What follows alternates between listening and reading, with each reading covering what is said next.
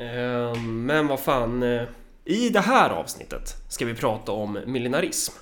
Eh, och det är ju någonting vi har tänkt att vi ska snacka om tidigare. Ja. Jag, jag tror att vi har pratat om det här sedan typ mars eller någonting. Eh, och nu sitter vi här den, vad fan är det för datum? 15 juli. Klockan 15.54 och ska eh, gå igenom det här. Vad, vad är millenarism för någonting? Ja, och får väl innan vi går in på det ska vi väl också säga att det här får vi be om ursäkt för att det dröjde så länge. Men det är shit happens liksom. Saker kommer upp som man inte har tänkt på och så behöver man typ det har ju varit så jävla mycket så här nyheter med terrorism och skit och sådär. Så det har väl blivit en del att vi har hamnat på sidospår ganska mycket. Ja, och det är mycket man vill prata om. Eh, och det, alltså, nu har vi ju gått framåt i vårt tech tree och upptäckt den här grejen. Eh, vi har precis upptäckt att man kan ha fasta tider. Eh, och då får vi se hur, hur mycket det, om det kommer gynna oss eller missgynna oss att vi har späckat om till ett schema med fasta tider. Jag hoppas att det kommer gynna oss, men det innebär att Eh, missar vi de tiderna då, då blir det ingen poddavsnitt den veckan. Men förhoppningsvis så kommer vi kunna prutta ut mer material. Mm. Men eh, ja, nu är vi här i alla fall. Och millenarism, vad, vad fan är fin- man, man kan ju säga kilian, kilia, kiliasm kan man säga. Det går bra. Kiliasm kan man också säga för millenar, millenarism. Och det kommer ju av eh, grekiskans eh, ord för tusen. Typ kilio och is, typ som kilo. Mm. Eh, så att, och millenarism det liksom refererar ju till det här tron på det nya årtusendet, typ. Tron på det nya millenniet. Ja, det är ju en sorts eskatologi också, om jag inte Ja. kommer ihåg helt fel term här. Alltså en lära om tingens slut, liksom. De här sista Precis. dagarna, mer eller mindre. Eh, och det är ganska enkelt att tänka sig det i termer av religion. För då har vi det här om Harmageddon och liknande. Eller om man har läst Narnia-böckerna så vet man ju vad Narnias eskatologi är. Narnia blir invaderat av Colormen och sen så kommer det här lejonet Aslan till slut och säger ja, nu är det slut på den här världen och de som har varit stygga, de kommer jag förinta och de som har varit snälla, de får börja i Narnia 2.0 liksom. Det är den världens eskatologi. Och man kan tänka sig massor med olika varianter, men anledningen till att man talar om eh, millenarism tror jag är att inom den kristna eskatologin så har du ju det här jag kommer inte ihåg alla faserna liksom i slutet på, på världen. Men du kommer ju ha en... Men det är väl att Jesus kommer tillbaka och säger hej hej och så går jorden under och sen ska det vara ett årtusende Ja, tror jag. precis. Eller om det bara är... Eh, När man håller på och avvecklar planeten jorden så kommer det i alla fall att ha en tusen år av paradiset på jorden. Där Jesus kommer att vara konung. Då kommer han ju att styra över ett ganska nice eh, rike där det inte finns massor med tårar eller hunger eller avundsjuka eller girighet. Utan allt kommer mer eller mindre att vara perfekt. Så millenarism i bred bemärkelse är ju väntan på millenniet. Det här ja. perioden där allting kommer att ändras i grunden. Och där mänskligheten kommer att ändras i grunden på något sätt. Så här. Precis, det, det vardagen försvinner typ. Ja. Man behöver inte vara religiös, i alla fall i den här snäva bemärkelsen att man tror på en formaliserad religion för att vara millenär heller. Det behöver man verkligen Nej, inte. verkligen inte. Och det är därför vi ska prata om det, för man kan ju ställa sig frågan, Jaha, vad fan har det här med någonting att göra? Och vissa kanske förstår vart, vart det här pekar, men många politiska rörelser har ju varit millenära. Exakt. Eller har ju också haft och då kan man ju också så här, vad är millenarism, vad är inte det? Men man kan ju ändå säga att det finns eh, millenära tendenser i olika rörelser. Eh, och sen finns det olika mycket millenära tendenser. Eh, och vi tänkte prata lite om det. Ja, ska, ska vi gå in på några exempel då helt enkelt? Ja, det kan vi ju göra faktiskt. Alltså, och vi kan ju börja med att göra det lätt för oss och så kan vi tänka oss millenär kristendom. Ja, Och där finns det ju, eh, du känner till amish va? ja. De här i USA. Det finns två typer av människor idag som har sådana här konstiga hattar som var populära på 1600-talet. Det är amish-folk och sen är det vissa personer inom vänstern. Men, Jaha, men va? amish-folket känner jag till. Finns det? Ja men det är sådana, sådana där konstiga eh, platta liksom. Jag har aldrig sett någon ha en sån hatt inom vänstern.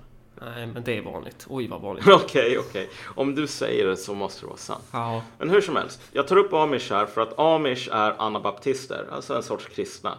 Och anabaptism är alltså eh, baptism vet ju alla vad det är, liksom döpe, att bli döpt. Och ana är ju att döpt igen. Därför att som så många sådana här kristna skismer så handlar det egentligen om någonting ganska litet. Anabaptister tycker att eh, att bli döpt som barn det är ganska värdelöst för ett barn har inte förmågan, liksom den här, är inte en tänkande varelse så att man kan acceptera Jesus. Kan acceptera liksom, frälsningen. Utan man måste ju vara vuxen för det. Och därför så har de den här vanan att man döps först när man är kristen, alltså, eller när man är vuxen. Först då kan man bli accepterad in i den kristna gemenskapen. Och Amish har, de härstammar från europeiska anabaptister. Och en gång i tiden så var inte anabaptisterna det här roliga gänget människor i konstiga hattar som typ var vapenvägrare. Utan en gång i tiden så innan de blev vapenvägrare så tyckte de att det här med vapenmakt var skitbra. Och att eftersom man själv hade klurat ut den enda riktiga kristendomen så hade man också egentligen eh, fri lejd att mörda alla som inte var anabaptister. Man behövde inte göra det, men man hade ju rätt att göra det eftersom de var inte kristna. Och det som gjorde att man också sa att man hade rätt att göra det, det var ju att man trodde på att millenniet var nära förestående. Alltså att snart så skulle den här uppståndelsen ske och snart när den sker, då kommer det också vara så att de människorna som står på den goda sidan, de kommer ju att vinna. Och de som står på den onda sidan, de kommer att förintas. Och eftersom man själv stod på den goda sidan, då hade man ju faktiskt rätt att skynda på den här processen. När var Münsterupproret? Var det 1400-talet eller var... Tror, det var väl på 1500-talet om jag inte missminner mig. Okej, mm. Men vi får se. det, det, Men det, du, du har säkert det rätt. roliga med Münsterupproret är ju att här har du alltså, anabaptisterna flyttar in i den här staden Münster. Ja, det är Tyskland eller? Precis, Ja. i, i norra Tyskland. Och i början är det mesta frid och fröjd. Men sen så... Eh, av olika anledningar så blir de här spänningarna mellan de här olika sekterna av kristendom, de blir allt mer eh, infekterade. Mm. Och det är också så att även om man kanske är beredd från ärkebiskopens sida och låter de här människorna vara någorlunda i fred, trots att de är kättare. Så när de börjar ta över liksom, institutionerna, det här borgmästarrådet och liknande i staden, vilket de också gör, så säger man nej, nu får det vara nog. Eh, de här människorna, de har ju segervittring. De har tagit över, eller i alla fall trottat, en hel jävla medeltida stad. De vill ju fan inte flytta på sig. Vilken trotte skulle vilja göra det? Så de säger fuck you ärkebiskop. Vi tänker inte flytta på oss. Det är ni som borde sticka. Och de flesta som inte är anabaptister lämnar liksom Münster över tid. Ja, och det man gör är väl också att det, det är väl inte direkt helt fredligt, eller? Nej, det är det inte. Nej. Men de som lämnar i förtid har tur. De som stannar kvar och som inte är anabaptister, de blir behandlade riktigt dåligt sen när situationen går åt helvete. Och typ, det här blir lite grann som nästan ett medeltida IS, du vet. Man tar över en begränsat geografiskt utrymme där man har massor med support inom liksom den egna gruppen. Och sen visar det sig att omvärlden inte tycker att det här är så jävla kul. Så man belägrar den här staden. Och då blir den här jakten på millenniet, den här uppståndelsen, det är då som den går över i sin riktigt morbida fas. Ja, det är då allt urartar om man Ja. börjar... Ja. Och en av de sakerna som händer är ju att en av de här ledarna utropar sig till, alltså medans folk håller på och svälter i den här staden, så utropar han sig till liksom kung. Ja, Svälter de för att de är i belägring då? Ja, precis. Kung utvald av Jesus, Gud, allt det där. Um, och så ska han ha sitt hov.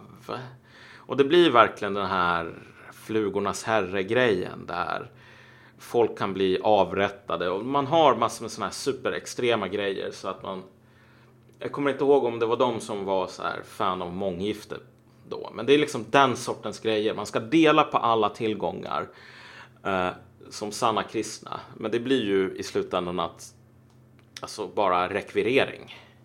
Att man kommer in och snor och sen så snor man i princip allting som speciellt som människor som inte anabaptister har så får de svälta. Och sen till slut, alltså det här blir ju att man Alltså man kan ju inte vinna. Den militära situationen är ju bara så jävla hopplös. Du kan ju inte ta över en stad, kasta ut ärkebiskopen och sen förvänta dig att du kommer att vinna ett krig mot hälften av Tysklands furstar när de slutar lata sig och säger att okej, okay, vi kan inte tolerera det här exemplet. Det går ju inte.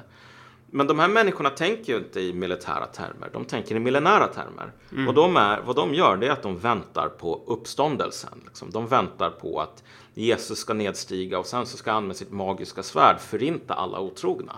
Ja, ja de gör ju helt rätt då. För att de mm. är ju mest troende, de är ju... Men, men ju svårare det blir, desto mer får de bara en bekräftelse på att de har rätt ungefär. Därför att mm. liksom, det här är prövningarna för de troende. Mm. Um, och sen så blir det det här lite grann som typ så som Raqqa ser ut nu. Total paranoia, folk avrättas på gatorna. Liksom, för man är helt, hela tiden rädd för att det är någon inom den egna rörelsen som är den här otrogna som har saboterat allting genom att inte tro. För det är väl det som är grejen då, att vad, vad är liksom bränslet för att upprätthålla hoppet? Det är typ om man börjar ha ihjäl varandra. Det blir nästan som en ja. slags offer, typ. Ja, men det blir, det blir liksom, till slut så blir det en här dödskult liksom. Ja. En... Uh, att, för, för att, uh, hur kan man förklara att det här himmelriket inte nedstiger då under ja. belägringen? Ja, men det är ju för att det är fortfarande en massa syndare i staden. Exakt, exakt. Um, och det där är det som är intressant med sån här... Liksom, Münsterupproret är ett exempel. Mm. Det är ett av de senare tid av så här kristen millenarism. Det, ju, det finns en annan ganska intressant grej som är det här uh, barnkorståget, tror jag det heter. Mm. Och då var det ju någon sån här ung liksom, fåraherde i nedre tonåren som övertygar liksom, sin omgivning om att han har den här profetiska gåvan. Mm. Han är eh, någon form av ett orakel. Och han har sett i sin syn. Att Jesus kommer att liksom belöna de kristna om man intar Jerusalem. Men det är inte vem som helst som ska inta Jerusalem, utan det är de fattigaste och de lägsta, det är barnen. Och han samlar ju på sig jättemycket barn eh, och unga och liksom ett helt jävla släptåg. Och de flesta av de här drunknar till typ havs. Bara på grund av att så här, eh, om man ska försöka segla så, hjäl så hjälper det om man vet vad man gör. Och det vet inte de här. Så typ majoriteten av dem bara drunknar som råttor. De som kommer fram de blir sålda som slavar av araberna sen. Så det är inte så jävla kul för dem heller. Men just det här med den här explosiva emotionella laddningen. Den här tonåringen kan få med sig tusentals. Mm. Bara som hoppar, som lämlar över en klippa mot sin egen död. Um, för de är också på jakt efter millenniet. Efter den här världen där det inte längre finns någon vardag som präglas av ja, men vad vardagen präglas av. Brist på saker, hunger, eh, avundsjuka. För, för det är ju det som, som slår en när man läser om så här miljonära uppror, typ vad, att det är så jävla mycket blod och djävulskap inblandat. Det är bara så här personer som bara gör helt som man kan tycka så här från utsidan bara, det här är ju helt idiotiskt. Hur är det ens möjligt att man kan göra såna här grejer? Alla de här historiska typ vidrigheterna som har ägt rum i form av miljonära uppror. Det finns en bra bok på området som heter Pursuit of the Millennium. Mm. Uh, och det som författaren betonar, jag kan rekommendera den boken till alla lyssnare för den är väldigt intressant. Men det som författaren är noggrann med att betona är att alltså, jag skriver om millenära uppror. Mm det är inte den enda sortens uppror som finns. Det har funnits många bondeuppror under den här perioden och en hel del av dem har lyckats ganska bra. Du har ju det här ditmarsken till exempel i det som idag är Schleswig-Holstein. Ja, just det. Mm. Men det, det var ju liksom en bonderepublik. Alltså de hade ingen första eller prins eller något sådant. Och det, så levde de flera hundra år. Mm. För de lyckades hela tiden bara spöa alla de här eh, friherrarna som kom och försökte underkuva dem och säga att de Och de var ju inte miljonära då, utan de var ju, det var ju något annat. Ja, för om du tänker dig, om du är någon sån här sur jävla nordtysk bonde som säger jag hatar att betala skatt och jag bor i ett träsk. Ja. Och så ska du styra upp ett uppror och så gör du det. Det här upproret kommer ju vara designat för att du ska kunna fortsätta bo i ett jävla träsk och inte betala skatt. Det är mm. så som du designar det. Och då är det ju självklart så att i din design för det här upproret så finns det liksom en exit plan. Det är så här, mm. när vi inte behöver betala skatt, vad gör vi då? Jo, vi fortsätter att bo i det här jävla träsket och mm. odla våran mat. Uh, och så får vi styra över oss själva. En millenärrörelse är inte designad på det sättet. Alltså det ligger i sakens natur. Mm. Därför att en millenärrörelse består inte av människor som vill bo i ett träsk i 300 år och bara odla mat och hålla på och bråka med grannfamiljen. Den består av människor som vill bli fri från träsket, från jorden överlag. Från vardagen som sådan. De vill leva i millenniet och då designar man sitt uppror eller sitt politiska parti eh, eller vad det nu kan vara, som en jävla startraket. Mm. Du tänker dig rymdfärjan. Ja, det finns flera steg typ. Ja, den har mm. raketer fastspända som har massor med bränsle och sen bränner raketen ut sig och så faller den ner och går sönder liksom. Mm. Faller i tusen bitar ner på jorden. Då är det nästa bränsledel som tar vid och sen så ja, till precis. slut så finns det bara toppen kvar men inget ja. bränsle. Ja, nej, men då har den här rymdfärjan åkt upp i himlen. Då behöver den inte sådana där tråkiga materiella ting. Och precis så tänker de här människorna. Vi har den här armén nu, den här liksom, mm. Guds utvalda, eller det här partiet eller vad det nu kan vara, på grund av att efter revolutionen eller efter millenniet, alltså, då kommer inte vi att behöva någonting. Vi kommer att vara uppe i himlen. Det går ju inte att ta det här ämnet utan att nämna Pol Pot, vilket är vad, du, vad som händer när kommunister blir riktigt jävla millenära. Um, de beter sig som alla andra millenärer ungefär och börjar bygga pyramider av dödskallar och så. Mm. Uh, och återigen, vi kommer inte gå in på några detaljer av hur Kambodja såg ut därför att det kan man läsa själv.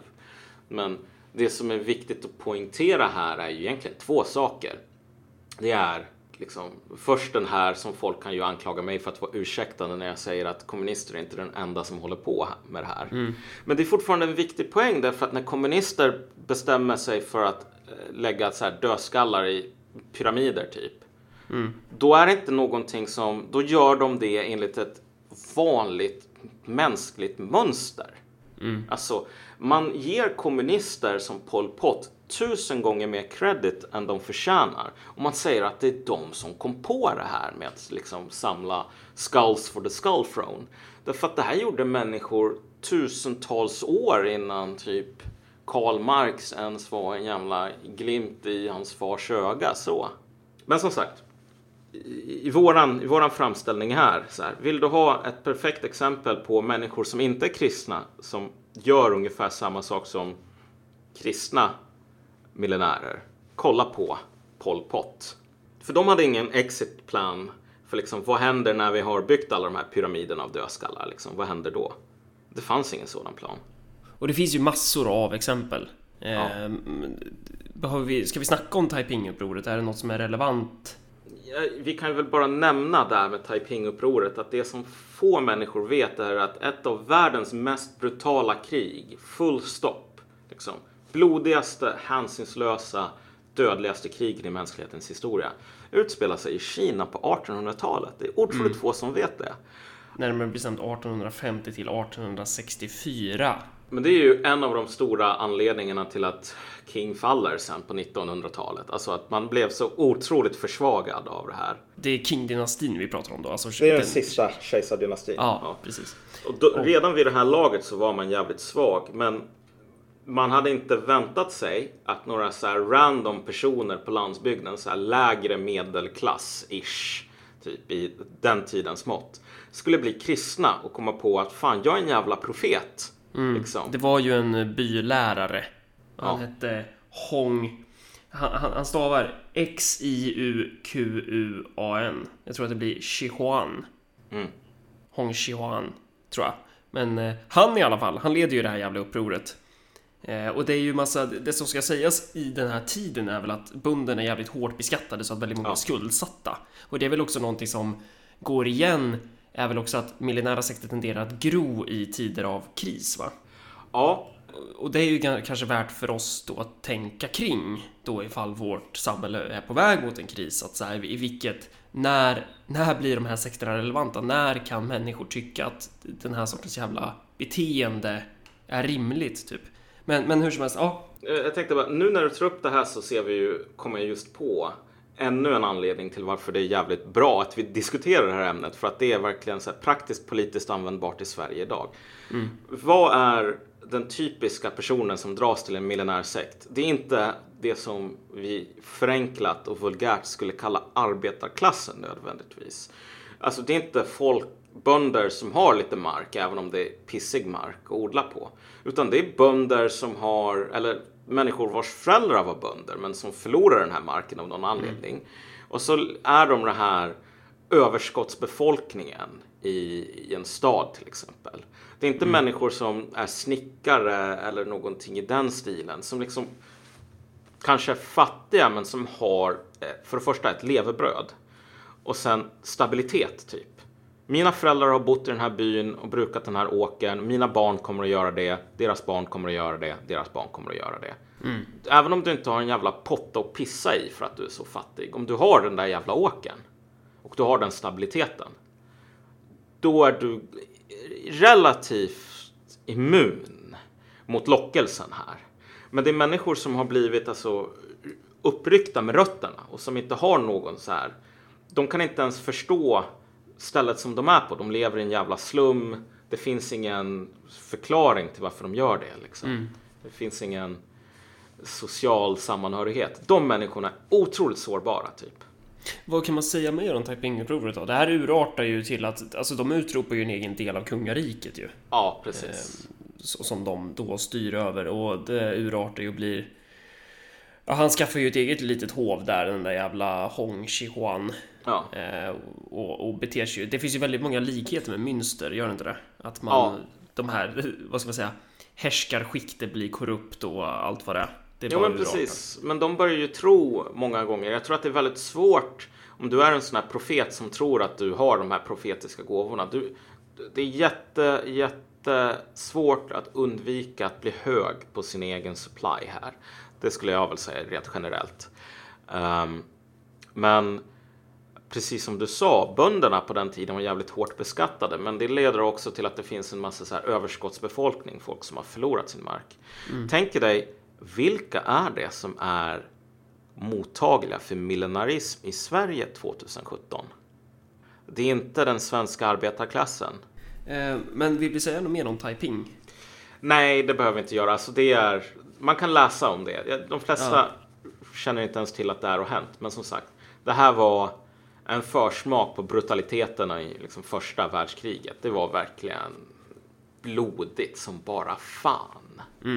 Också intressant att det var kristet Ja, men, men, men det är så här, man tar det man har när man har den här. Alltså, Ja. Kristendomen har en ganska bred eh, historia och liksom mycket så här te- teologi att hämta om man vill vara profet. Liksom. Ehm, men det är ganska vanligt faktiskt att när folk i typ Asien ska bli profeter, då, då väljer de krist, kristendom. Så, vi, så tillvida kristendomen inte är majoritet, för då måste man välja någonting annat, för annars kan man ju inte vara indie liksom. Någonting som också är intressant i de här millenära upproren är väl hur man behandlar otrogna kontra kättare. Ja, Eh, Att, att kättarna är väl nästan på något sätt värre än de otrogna. men definitivt. Sitter du och äter någonting eller dricker du? Jag, jag drack min grodan peppermugg, sorry. Ah, Har du en Grodan Pepper-mugg? Eh, Svar ja. Ja, okej. Det, är- det, det här har ni Malcolm-fakta liksom. Du får det helt gratis. Jag har en grodan peppermugg. Eh, Dricker du mjölk också som en jävla fascist eller? Jag, jag, Ah, jag, har läst, jag har läst på Aktuellt Fokus att man tydligen är nazist om man dricker mjölk.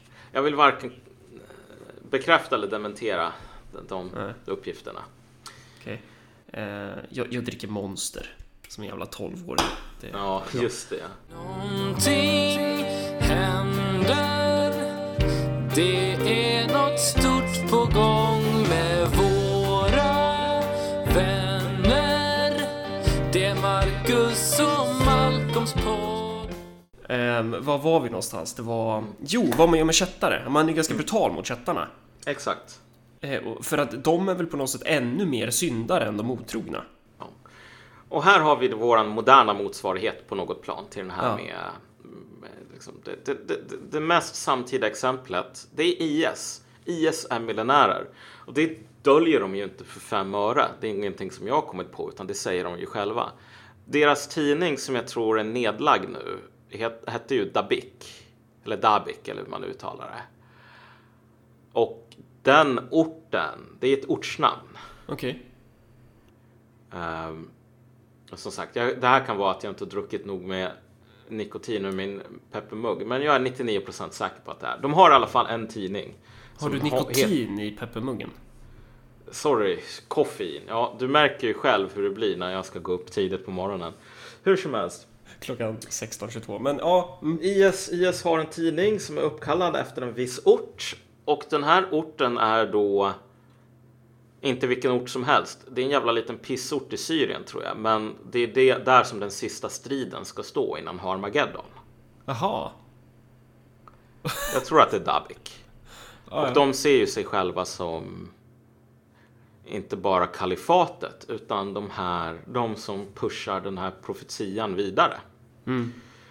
Och IS är ju miljonär på det här klassiska boosterraketsättet. Ehm, Och det man måste veta med dem är ju att å ena sidan, ganska många av dem som ut, utgjorde, de- de flesta av dem har blivit vaporiserade av någon jävla drönare vid det här laget. Men de som utgjorde den hårda kärnan, det kunde ju vara sådana här gamla Saddam-generaler som var sunni på samma sätt som man kan vara katolik i Nordirland och aldrig ha gått i en kyrka. Men den här rörelsen till slut blir inte den här sunni-milisen. Liksom. Vi är gruppen som slåss för vårt folk på samma sätt som Hezbollah är typ. Hezbollah tror ju självklart på islam och menar att liksom en dag kommer profeten och så vidare. Men de är ju de beter sig som vilken jävla vanlig eh, etnisk eh, maffia slash mili, eh, milis som helst. Ja, de är ju, det är, fan, de är ju en folkrörelse ju. Ja, ja, jo men precis. De är en folkrörelse, men det är ofta en maffia och en milis också. Ja, ja. Liksom. Så de, de, de kombinerar allt det där i någon sorts salig blandning. Men de är ju ganska... De beter sig rationellt utifrån så här vad de är. Vilket är en jävla folkrörelse för shia-muslimer främst. De har fötterna på jorden helt enkelt. Ja. De är liksom pragmatiker så. Det är, IS har ju inte direkt det här. IS är ju bara så här. Nu har de tagit, alltså de, de klarar ju det här första boostingstadiet. Okej, nu ockuperar vi skitmycket land här. Och så utropar vi kalifatet och sen bara... Jaha? Sen faller den här då? jävla raketen ner och landar i havet. Och sen så inser man, jag är inte i himlen än. Oh, hoppsan, ska jag börja flaxa med armarna typ? Det bästa exemplet är om du tänker dig, IS har en religiös polis.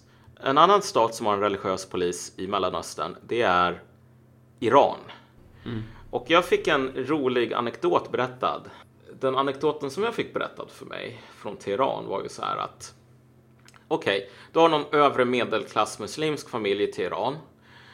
Eh, som är som övre medelklassfamiljer i Sverige ungefär. Eh, Och de har någon sån här eh, kompisfamilj i samma sociala skikt. Som är kristna. Och sen är det julfest. På julfest då ska man hålla på och supa sig eh, dyngrak. För det är det man gör på jul. Uh, och de, är ju, de tar ju seden dit de kommer som vilken jävla uh, mångkulturell övermedelklassfamilj som helst. Liksom. Du vet, mångfald, det stärker oss. Så när de är på den där festen, då super de sig så jävla fulla så att spriten tar slut. Mm. Och då kommer något jävla genius på att vi, för fan, affären är fortfarande öppen. Vi kan åka och köpa mer sprit. Så försöker de sätta sig i bilen när de har liksom druckit hur mycket som helst. kommer en hundra meter eller någonting så kör de in i en jävla lyktstolpe och sen vips. Vilka rundar hörnet? Jo, den religiösa polisen. Som går fram till den här bilen fast prejad in i lyktstolpen och frågar jaha, vad hände här då? Och så ska de förklara dyngraka typ. Ja, men vi, det är jul. Vi tänkte köpa sprit. Så vi, vi, vi hoppade i bilen, men det gick inte så bra. Så bara, men är inte ni muslimer? Tystnad. Jo. Men vi var ju hos den här kristna familjen. Jag menar, liksom, så här, det, det vore otrevligt att inte supa. Och så tänker jag det här. vet- Vad gör då den religiösa polisen i teokratin Iran? De säger så här. Vad fan jävla idioter, ni kan ju inte vara ute och köra bil när ni är så här fulla. Vad vi gör nu det är att vi, vi tar den här jävla piketbussen eller deras motsvarighet och så åker vi till spritaffären. Så köper vi den här spriten så att ni inte kör ihjäl någon på gatan typ. Och så tar vi och skjutsar hem er så att ni inte skadar er själva så kan ni fortsätta den här jävla festen. Alltså, kan du tänka dig när du blir ertappad av den religiösa polisen och de säger vad fan gör du ute på gatan liksom och kör? Så här, vi får lösa den här praktiska situationen. Typ. Och därmed inte sagt att den religiösa polisen i Iran på, på något sätt är liksom mysig eller att det är nice att bo i Iran utan po Nej, poängen är ju- illustrerar väl snarare att, att det här är lite mer pragmatiskt sätt att hantera Ja. sådana problem på. Det är väl samma sak med typ så homosexualitet. Du kan, vara, du kan väl vara jättebög i ditt hus i Iran men så fort du börjar gå ut på stan med läppstift och klackskor typ Ja. eh, och ragga på killar, då måste ju polisen agera för att då, då faller ju den här chimären liksom. Sen, sen är ju Iran en fruktansvärd diktatur givetvis, men det är inte i närheten av hur man behandlar det här i Islamiska staten. För där hade det ju varit tvärtom. Där hade man ju bara tagit de här människorna, flott dem levande, spelat in en film så att någon jävel i Vivalla kunde kolla på det där och sen åka ner och, och, och dö lite Exakt. för Islamiska staten. Typ. Och grejen så här, jag tror att det som vi måste vara tydliga med, för annars kommer Mm. nog en del lyssnare att missförstå oss. Så här, det som det här exemplet med den iranska polisen illustrerar, det är inte att de här människorna, de är egentligen så här svenska ateister. Det är de fan Nej. mig inte. Det här är en religiös polis. Det är inte en polis fylld av liksom ateister eller folk som säger att alltså, sekularism är skitbra. Men grejen är, de vill ha ett samhälle som fungerar. Och i ett samhälle som fungerar, där du har kristna minoriteter, då blir det lite grann att okej, vad fan, när du är hemma hos en kristen, ja, vi kan låtsas att du så här, då får deras regler gälla för dig. Då. Men om du ska sitta ute på liksom, gatan och supa med dina muslimska kompisar, då är det en helt annan grej. Liksom. Då, då respekterar inte du laget. Och man kan ju också tänka så här, vad, hur hade Iran sett ut om man hade agerat likadant som IS? Det skulle ju varit pyramider av dödskallar. Och sen så skulle det inte finnas någon kvar som kunde stödja regimen och sen skulle den kollapsa efter typ tusentals eller tiotusentals eller hundratusentals människor dött. Och det är väl det som skiljer då en, en kan man säga så, fungerande teokrati från Ja. en, en, eh, ja, en stat som IS eller vad man nu ska kalla det. Men Alltså, exakt. Det, det är om du tänker dig så här, ta fucking jävla Vatikanen typ. Tänk på deras historia. Det här är inte, det här är fan teokrater. Men det är inte teokrater som säger vi kan bränna ner hela kyrkan om det står så i Bibeln liksom. Utan det är teokrater som säger vi ska se till så att den här kyrkan kommer att se identisk ut om 3000 år. Kommer fortfarande att sitta samma feta kardinaler här och liksom ha det kul. För det är vad de bryr sig om. De bryr sig om stabilitet. Och då om man bryr sig om stabilitet så överlever man. Om man inte bryr sig, då kan man, då inser man så här att man kan inte ha en stat eller ett parti som är byggd som en jävla slit och släng boosterraket. För då dör man. Och när man inser det, då brukar man dra med sig massor med andra människor ner i döden. En grej som jag läste, för du tog upp det här med homosexualitet. Det är typ eh, någon som var från den delen av världen som sa att alltså, på vissa sätt så är det fan bättre att vara homosexuell i Iran än vad det är att vara det i Botkyrka idag. Alltså i ett svenskt utanförskapsområde. Därför att i ett svenskt utanförskap, utanförskapsområde så finns det ingen stabilitet. Det finns ingen intresse och det finns ingen som är kapabel att bygga eh, eh, en social miljö som är byggd för att överleva i hundra eller tusen år. I Iran så får man inte vara homosexuell. Om du går ut och viftar med en jävla prideflagga då kommer du bli klippt. Men om du, typ, jag vet inte vad, något sånt där löjligt exempel. Om du visar dig vara en son som gillar att bada bastu med andra män typ. Och så kommer någon och säger, ja vet du vad, den här personen är antagligen homosexuell. Då kommer du kanske att bli eh, örfilad av polisen som säger, vad fan snackar du om? Håll käften, det finns inga homosexuella i Iran. Han gillar att bada bastu med andra män. Håll inte på att snoka typ. Ehm, men om du är homosexuell i Botkyrka, det finns inget sånt där liksom, motsvarighet till bastubadande eller vad man nu kan göra för att liksom låtsas. Nej men jag är så jävla hetero typ. Mm, ja, I det specifika exemplet då, alltså när det gäller just hur hederskulturen tar sig uttryck gentemot homosexuella, typ. Ja, alltså vad folk i en teokrati bestående av människor vill se till. Det är att inte folk som är homosexuella håller på att typ ballar ur. Man vet ju typ att, jag vet inte, en 10% av befolkningen har alltid typ tänt på det sättet. Det kan man inte eliminera. Det har fan många försökt och det har aldrig gått. Så man lär sig, man, vad man är intresserad av det är att lära sig att leva med det på ett sätt där familjefadern och mamman kan typ låtsas som om sin son eller dotter fortfarande är liksom, vet, straight as an arrow. Eh, Men varför blir det inte så i, i, i svenska förorter då? Vad är det, för, alltså det, det finns inte den sortens materiella mekanismer då som Nej, det kräver finns den ingen sortens stabilitet. Nej. Du blir bara knackad för att du är en äcklig bög typ. Ja. Och det finns inget sätt som du kan leva på, om vi säger så. Så att någon kan säga nej, det där är inte en äcklig bög. Det där är bara någon som typ gillar att umgås med, eh, du vet, vuxna män som gillar att göra saker tillsammans. Så, det finns inget sådant. Alla system som är hållbara utvecklar, alltså de böjer sig lite grann. De böjer sig, de för- typ, det här är om du tänker dig, om du ska bygga en bro till exempel. Om du tar något sånt där superhårt material som ja, inte är det spricker flexibelt ju och alls. går åt helvete. Ja, precis. Men det är det som är så jävla bra med betong. Ja. Det är ändå, det, det, det är ändå lite mjukt relativt sett. Och du måste bygga samhällen av betong snarare än något sånt där totalt strikt superhårt som IS typ. Man behöver flexibla Ja. eh, samhällen. Så att här kommer vi återigen till liksom svenska förhållanden. Ja.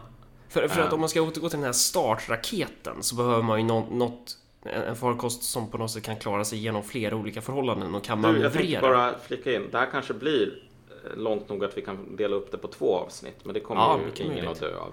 Nej, nej, bara vi är klara innan, eh, innan, eh, innan min, min kära flickvän kommer hem så jag hinner eh, diska och sådär så jag inte blir halshuggen. Men vad tänkte jag på? Jo, men man behöver ju bygga farkoster som, som liksom är flexibla. Som inte är den här startraketen. Ja. Eh, alltså som, som, så, där det finns en plan 2 eller kanske rent utav någon, någonting som kan bygga om sig själv. Jag vet inte. Men, eh, men om vi ska prata Sovjetunionen då? För att i alla typ revolutionära processer så finns det väl alltid millinära tendenser. Det finns ju alltid den här millinära berusningen och det kanske är en nödvändig komponent i revolutionära processer. Jag vet inte hur, om det finns någon revolutionär process utan just den komponenten och om, det, om en, ens, en revolution skulle lyckas utan den komponenten, men även om det inte är just den komponenten som gör att det lyckas. Men Eh, det finns ju där, likt förbannat, att så här, Sovjetunionen, det, det fanns ju människor som på riktigt eh, tänkte att ja, men nu ska vi bygga det nya årtusendet. Så här, nu kommer vi bygga socialismen. Nu jävlar liksom. Vi kommer ta mänskligheten bort från klassamhällets förruttnelsestadium och vi kommer bygga det, det nya eh, goda samhället typ. Och sen så Ja. fanns det givetvis de som bara tyckte så här, bara, ah, men det är ganska soft om jag kan få bröd och sluta svälta ihjäl i en skyttegrav. Eh, Ja. så. Men, men eh, i den processen så får man väl ganska hårt och snabbt erfara vad det är som är gångbart och vad det är som inte är gångbart.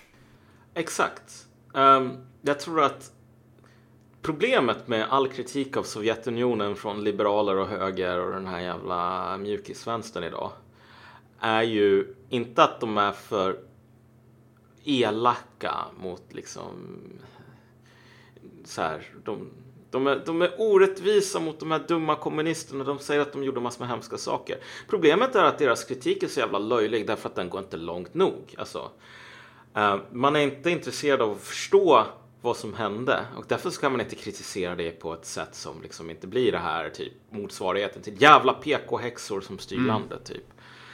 Och jag tror det du var ute efter här är ju bara att kolla. Vad händer om du är den här som tänker att vi bygger en startraket vars poäng är att ta oss förbi liksom, nedersta atmosfären. För då kommer den här farkosten att flyga fritt. Eller på 1900-talsspråk. Vi gör, skapar den här revolutionen och sen får vi proletariatets diktatur. Och då kommer fan, liksom, då kommer det att lösa sig.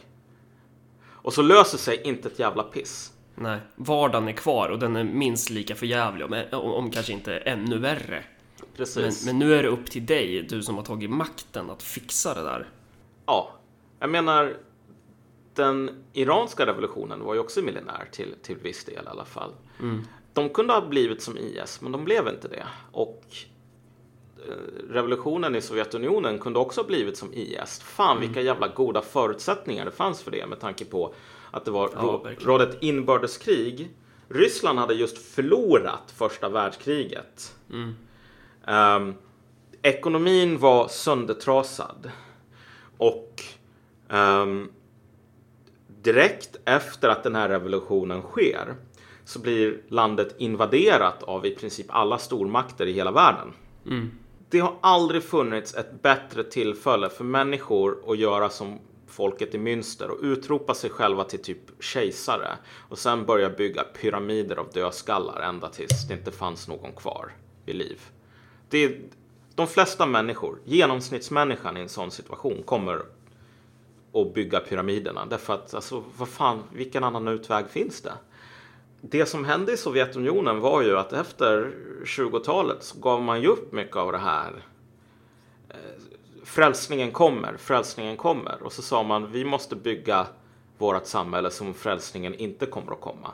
Det skulle vara kul om den kom, men alltså vi kan inte räkna med det. Vi måste ha mat på bordet tills dess. Och det, och det man alltid glömmer bort är ju precis som du säger, det, det råder ju, alltså det är ju inte direkt fred, utan det råder ju fortfarande krig jättelänge i Ryssland. Alltså den här, alltså man blir ju invaderad av i princip varenda jävla stat. Exakt. Det är den vardagen som man då ska axla.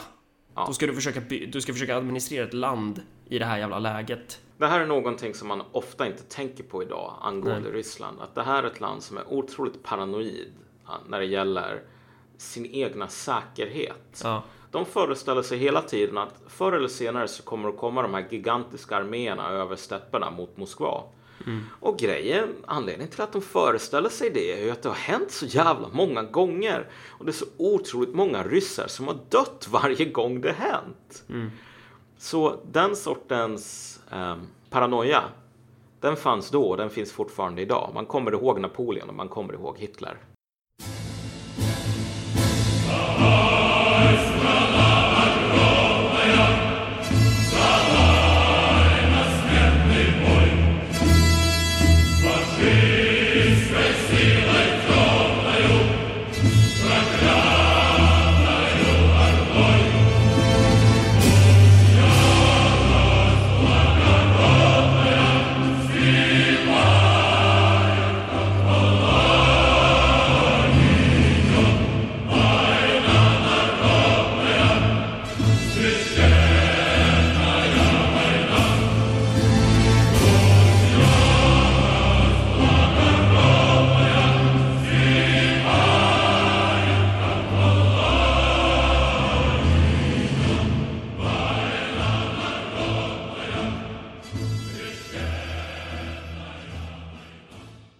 Det här att ta steget ifrån att tro att man kan flyga upp till himlen på den här boosterraketen och sen säga att vi måste bygga någonting som är hållbart, någonting som vi inte bara kan kasta i havet när efter revolutionen har kommit typ.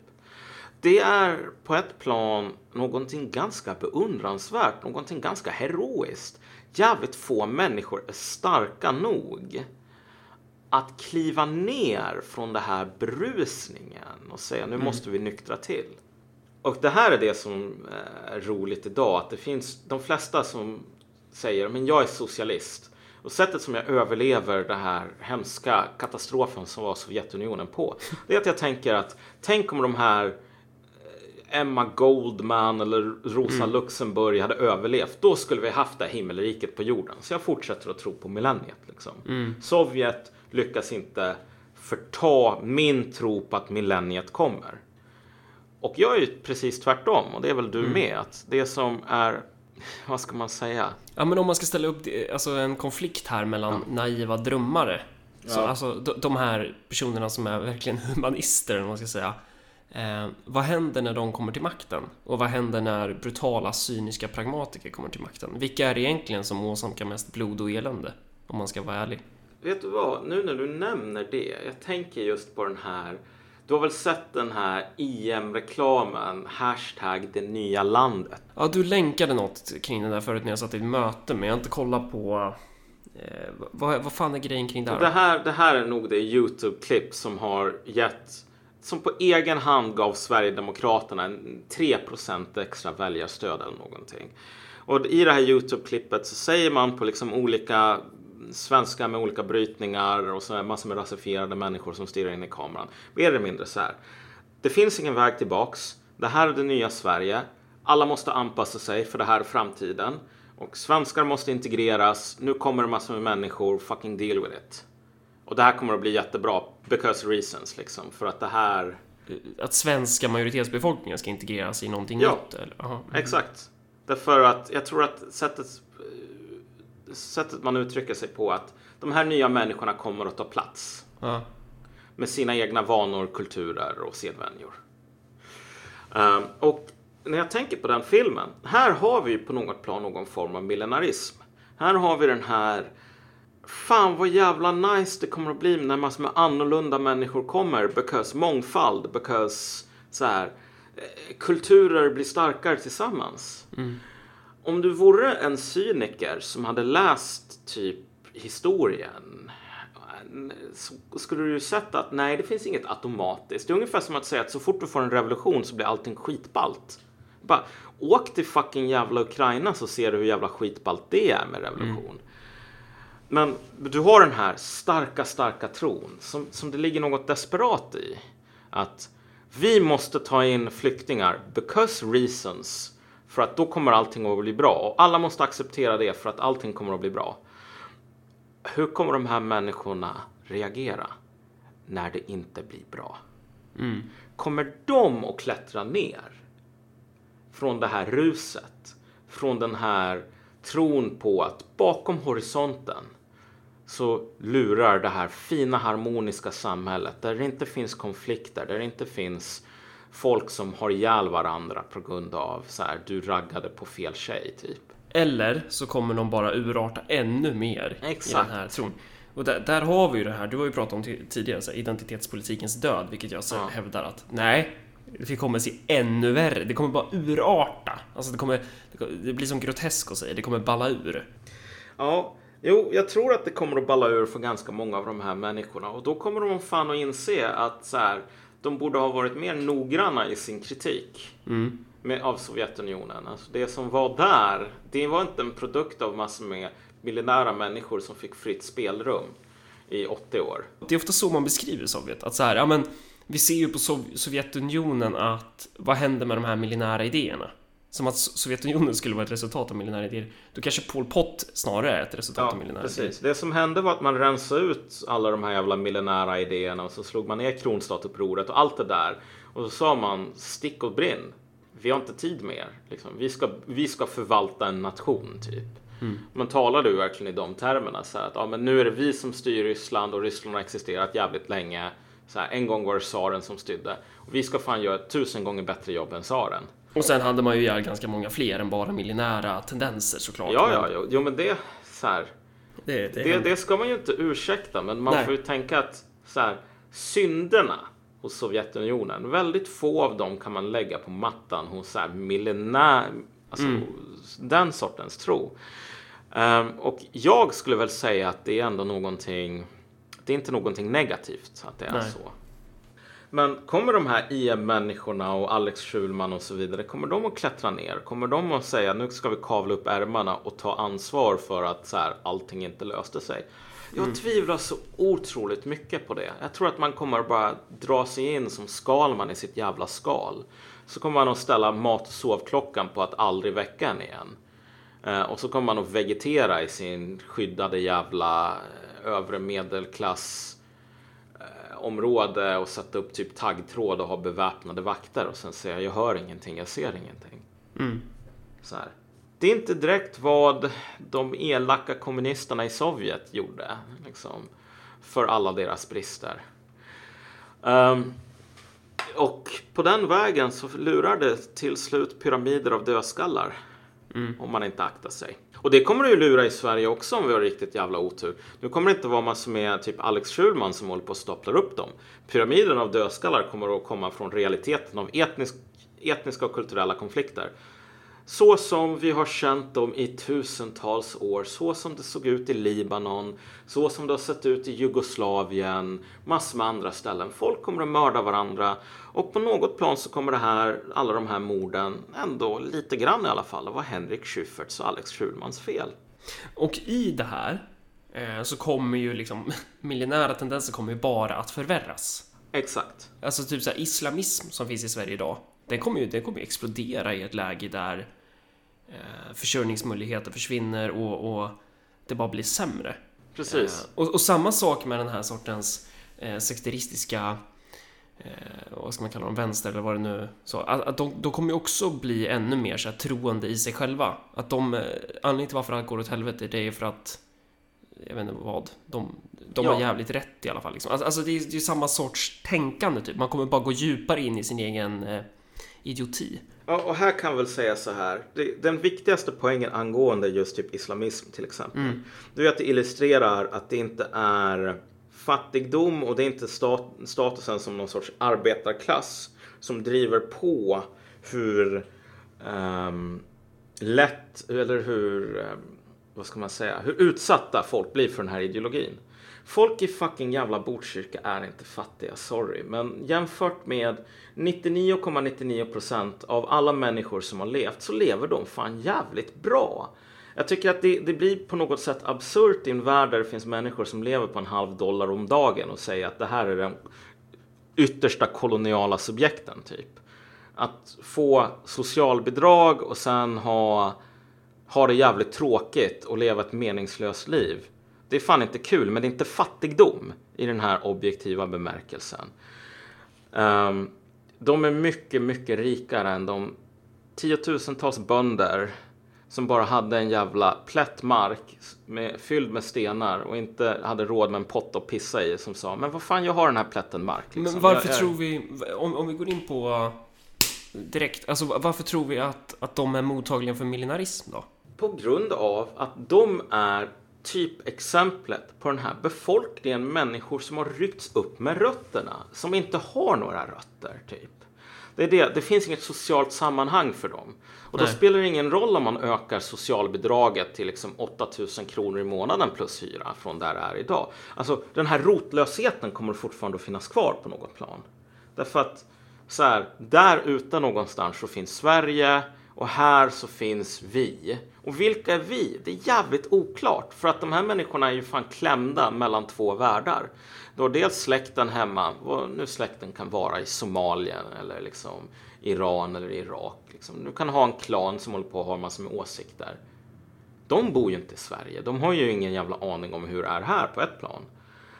Och liksom så drar folk å ena sidan från det hållet. Och så drar massor med så här fina lärare och socialtjänster och fucking Malou von Sivert och Alex Schulman åt andra hållet och säger nej, vet du vad, det är islamofobi att säga att du är annorlunda än svenskar. Du är precis som dem. Men de är ju inte det. Alltså, inte i den här genetiska bemärkelsen, utan man, man lever ju inte i samma värld. Malou von Sivert och eh, Schulman och så vidare är ju galet jävla segregerade. Det vill de inte ändra på själva. Men du blir dragen åt två olika håll. Och folk som inte vill släppa taget. Och det som du är, det är liksom bara kaos. Du är inte en bonde som har en fattig jävla plätt. Som dina föräldrar och deras föräldrar och deras föräldrar har odlat. Trots att det inte finns, det inte går att odla på den. Och som dina barn och deras barn och deras barn kommer att odla på trots att. Och det visar väl hur jävla viktigt det är att man måste hitta då ett sammanhang för alla människor. Alltså på ett Ja. rent psykologiskt plan, på ett ideologiskt psykologiskt plan också. Eh, Exakt. att, att det måste finnas någonting och det är därför återigen det är så jävla viktigt att konstruera ett demos och ett politiskt subjekt som, som hänger ihop. Men, men det, det som också är viktigt att säga så här. Det här är till stora delar inte svenskarnas fel. Om Nej, man säger så. det Det, här är inte värdlandets fel. Nej, nej, nej. Det, det, nej, det är klart att, det inte, är- att man inte ska göra den uppdelningen så, men att, att det är ju det finns ju massa krafter i de här diasporerna som vill bevara det så. Det har vi Exakt. pratat om. Eh, och det som, alltså, om man vill rädda landet från den här sortens etniska våld eller att det ska urarta ännu mer, det är väl att försöka slå mot de diaspora-ledarna och försöka eh, förstöra möjligheterna att kunna ha de här sortens enklavsamhällen. Alltså, där Sverige har verkligen har bidragit till det här, det är ju att komma på det här med att kolla på kidnappa samiska barn och sätta dem i katolska internatskolor. Det är fan ganska omänskligt. Eh, liksom, den här snällheten som man nu har är ju problematisk. Därför att det som man inte har förstått är att alla sådana här system inom systemet, alla parallellsamhällen som lever nära det, de samhällen som de är parallella med. De har, som precis som den mänskliga kroppen, har vita blodkroppar som jagar upp massor med konstiga basiller och bara käkar upp dem så att de inte kontaminerar kroppen. Alla de här systemen har sina egna vita blodkroppar i kulturell, social bemärkelse. Det är som amish. Amish, de är fan jävla galna vapenvägrare, så här kristna. För alla anabaptister efter Münsterupproret sa vi ska aldrig mer lyfta ett vapen. För Ja, vad fan gjorde man gjorde i det. Münsterupproret sen när, när man slog ner det? Man bara hade, det var bara fruktansvärt mycket tortyr och, och död eller? Ja, man höll på att tortera alla ledarna i veckor och sen så hängde man upp dem ovanför, liksom vid domkyrkan i så här stålburar. Så sa man bara så här, det här är det som händer den som håller på att ballar ur socialt. Om ni, försök inte vara miljonärer för vi kommer att hitta er och vi kommer att döda alla er. Utrota er som jävla råttor. Och det är fan, det är, den, det är den attityden som man måste ha. De där burarna hänger fortfarande kvar för övrigt. Liksom. Jaha. Som en påminnelse. Och ehm, så du kan faktiskt se på dem där de här ledarna hängde, där man la upp deras lemlästade lik sen. Så kan man se om man besöker Münster idag. Men saken är den, man dödar ju inte anna, alla anabaptister, för alla anabaptister fanns inte i Münster. Och det som de överlevarna sa, det bara så här, okej, det här med det här med kristen jihadism, det är fan inte en så jävla bra idé. Vi gör aldrig det igen. Så nu är det så här, Amish de vägrar, vägrar att använda vapen. De är extrema pacifister. Och de kommer alltså från en kristen sekt som verkligen var att, sa att det är helt okej att mörda alla som inte är anabaptister. Så kan det gå. Man vaknar varje morgon med en hemskhet i sitt bröst Kan inte äta, dricker kaffe Åker buss till jobbet, där är långa trista timmar Meningslösa klyschor, ingen öppnar sig Man stirrar bara tomt och pratar strunt och skrattar till Men man vänjer sig Man vänjer sig. Nej, men om vi ska glida in på lite så här bredare diskussion typ. Alltså, när det gäller miljonarism. För att jag tänker att jag själv bär ju definitivt på miljonära drag och jag har ju definitivt gjort det i mycket högre grad tidigare. Eh, och, och du också. Eh, Och... Eh, ehm, alltså hur, hur undviker man sig miljonarism? Går det att undvika miljonarism? För att... ehm, någonstans så tror jag att man alltid kommer bära... Det känns som så här. När man pratar politik idag så är vi väldigt vana vid att göra det i termer av berättelser. De här berättelserna är konstruerade på ett sätt som vi känner igen med antagonister, protagonister med sina specifika egenskaper och så vidare. Eh, och så alltid en ett problem och sen en lösning på det och, och sen levde man lycklig alla sina dagar. Mm. Eh, och det är ungefär så politisk propaganda i, i termer av berättelser är konstruerade.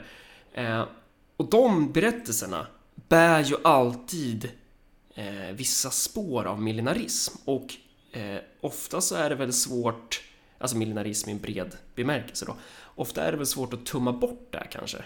Ehm, alltså i berättelser, för då, då blir ju inte berättelsen gångbar rent känslomässigt. Förstår du vart det är jag... Ja. Mm. Men alltså millenarism är en sorts explosion om vi säger så. Alltså det, Ja. kolla. Det finns alltid sådana tendenser hos människor för att det här är en grundläggande psykologisk liksom, impuls hos många. Eh, och tänka i de banorna. Men alltså millenarism är när det trycket som byggs upp exploderar. Mm. Och efter att det har exploderat så blir det någonting ganska annorlunda. Typ. Det är som, jag vet inte vad. Det finns ju massor med sådana här sjukdomar som man kan bära på. Som de flesta människor bär på i så här 20 år eller någonting. Många av dem vet inte ens av att de har det. Och sen så bara helt plötsligt av någon anledning immunförsvaret försvagas eller någonting. Då kommer alla utslagen på kroppen och så får man jättehög feber och så dör man. Liksom. För att sjukdomen slog till. Det är ungefär på det sättet. Alltså, så att man måste hela tiden se Millenarismen vilar latent hos människor någonstans då, Ja, det skulle man kunna säga. Så att det, det är typ en metod eh, som vi hanterar komplexa situationer. Ja, det, det är ett sätt att tänka på. Men det är bara när den exploderar i den här akuta fasen som den är riktigt jobbig. Därför att i den akuta fasen så driver den människor. Det är som så här rabiessmittade djur. Du blir beredd att typ döda. Det blir okej att döda. Alltså, det blir en logik som säger att alla som inte tycker som du eller liksom alla som står i vägen. Vi är fan på väg mot millenniet liksom. Ja, den ja. som står i vägen den måste ju undanröjas, likvideras, mördas. Vare sig det rör sig om en kontrarevolutionär eller en, en, en otrogen hund. Om, om man tittar då på vart fan Sverige är på väg, om man tittar på den här skuldbubblan och hur energiberoende vi är och vad fan händer när man rycker undan mattan där? Liksom alla kommuner går bankrutt och, och liksom allt det här som vi är vana vid. All den här no- normaliteten, det bara kastas bort i ganska våldsam omstöpning, eller vad man ska säga, ganska drastisk omstöp, omstöpning. Alltså Om- då, då borde ju den här millinära viruset som vi bär på, det borde ju kicka in jävligt fort då hos Ja. väldigt många människor. Precis. Om, om, om den här omställningen, om, om kollapsen, eller vad man nu ska säga, om den här samhällsförändringen åt det negativa, vilket inte kommer att ske över en natt och som redan håller på att ske nu. Men om den blir riktigt jävla snabb, så, att, så snabb så att folk inte längre upplever att de har mark under fötterna, typ. Att det blir sämre över en period på 20 år, det är fine. Men om man vaknar upp en dag och inser så här, oj, kommunen har, anordnar inte längre skolverksamhet åt alla ungdomar för pengarna finns inte. Eller man blir bara blir... Jag läste, vad fan var det jag läste där? Jag skulle skriva en nyhet av det och sen så kom det något annat i vägen. Men eh, angående hur mycket svenska hushåll klarar av i eh, räntehöjning. Ja, Att jag tror att så här eh, 20, 25% eller någonting skulle klara max 500 kronor till typ 4000 kronors höjda avgifter i månaden. Sen så går man i konkurs som hushåll för att man är så pass belånad. om du får utbredd hemlöshet i Sverige på det sätt som det finns i Grekland. Ja. Mm, jag har inte sett så jävla mycket den där sortens millenarism i Grekland i och för sig. Men Det är kanske lite för tidigt nu. Eh, Men visst, det är ju definitivt en risk på sikt i alla fall. Men den riktigt stora grejen, det som redan ser idag, det är ju fan, det är ju förorterna. Mm. Det är där som det akuta hotet finns. Ehm, och vad kan man göra med dem egentligen? Det är faktiskt inte en helt enkel fråga att besvara. Därför att det här är, sådana här saker är inte så jävla rationella, återigen. Det är inte ett bondeuppror som säger vi vill ha 10% lägre skatt och så ger man dem 10% lägre skatt så säger de ja men okej då. Nu är vi klara. Nej, för det är ju ofta, det är också intressant med millenära rörelser att de har ju sällan mål som går att uppnå. vad fan är målet hos liksom dessa förortsjihadister typ? Vad skulle Sverige kunna göra för att de skulle vara nöjda? De kan inte ens formulera det själv. Annat än i visioner om att vi ska hålla på och mörda hela världen tills det bara finns folk som oss kvar. Typ. Eh, Och det är inte mycket till en vision, kan jag ju säga. Eh, Jag fick den här frågan av en bekant typ. Vad skulle egentligen hända? Vi säger så här att hela Sverige, man förbjöd all alkohol, man hade slöjtvång. Och sen så sa, liksom, sa man, ja men nu ska alla svenskar, de är muslimer nu. Skulle någon bli nöjd? Nej, det skulle man inte. Därför att den enkla anledningen är ju att så här, för ganska många eh, så är islam, precis som kristendom många gånger har varit det, det är ju, det, är ju en religion som har den är mångbottnad och den kan användas till olika syften. Och den kan också svara till olika behov. Och om du är en person som till exempel, det som jag, anledningen till att jag tog upp det här med eh, amish igen, är ju att amish lever separat från resten av USA.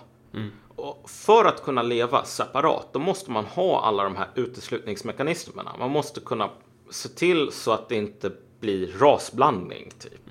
Och hur ser man till så att det inte blir rasblandning?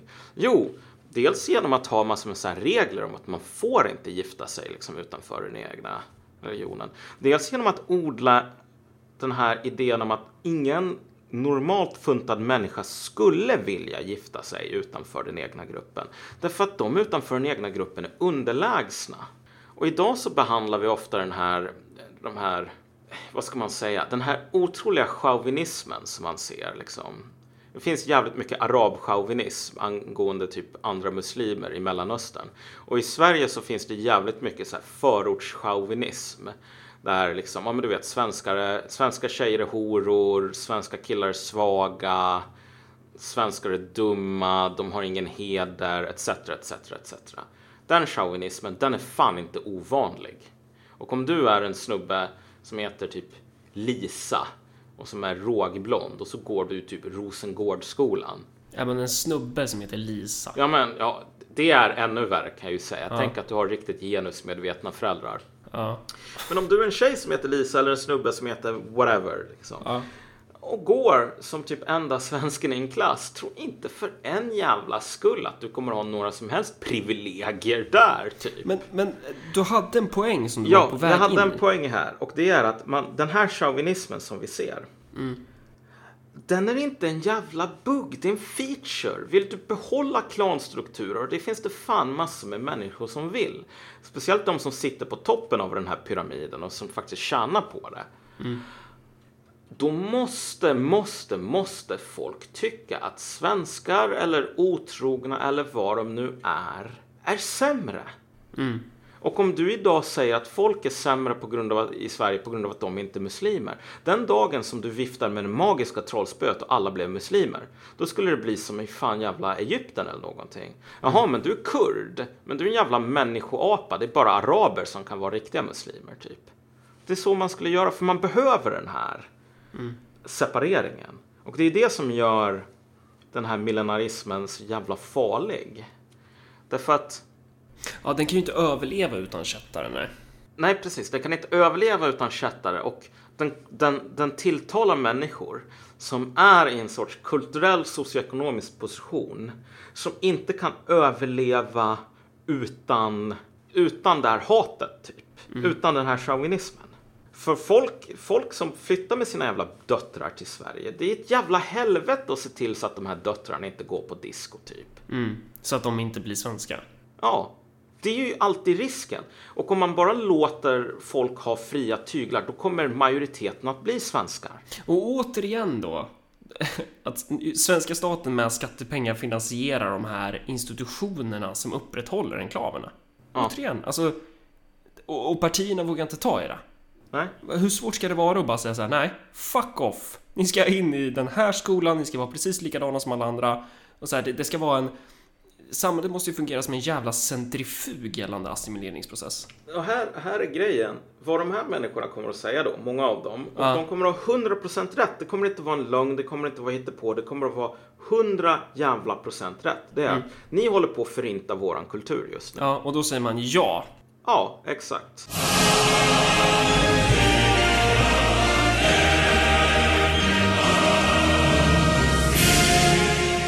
Men när det gäller just millenarism, eh, som vi var inne på förut. Eh, mång, många misstar ju typ berättelse och politisk teoretisk analys för att vara samma sak. Ja. Alltså så här, i, man ska ju ha jävligt klart för sig att när man bedriver propaganda, att man bedriver propaganda så man inte blandar ihop det med sin analys. Men jag tror att det är ganska lätt i vissa sammanhang att, att blanda ihop propagandan för analysen. Ja. Och det är väl där det finns en väldigt stark tendens eh, till just millenarism. Att man tänker då att eh, ja, men den här berättelsen är vår analys. Mm. Eh, vad ska man ta för exempel? Typ?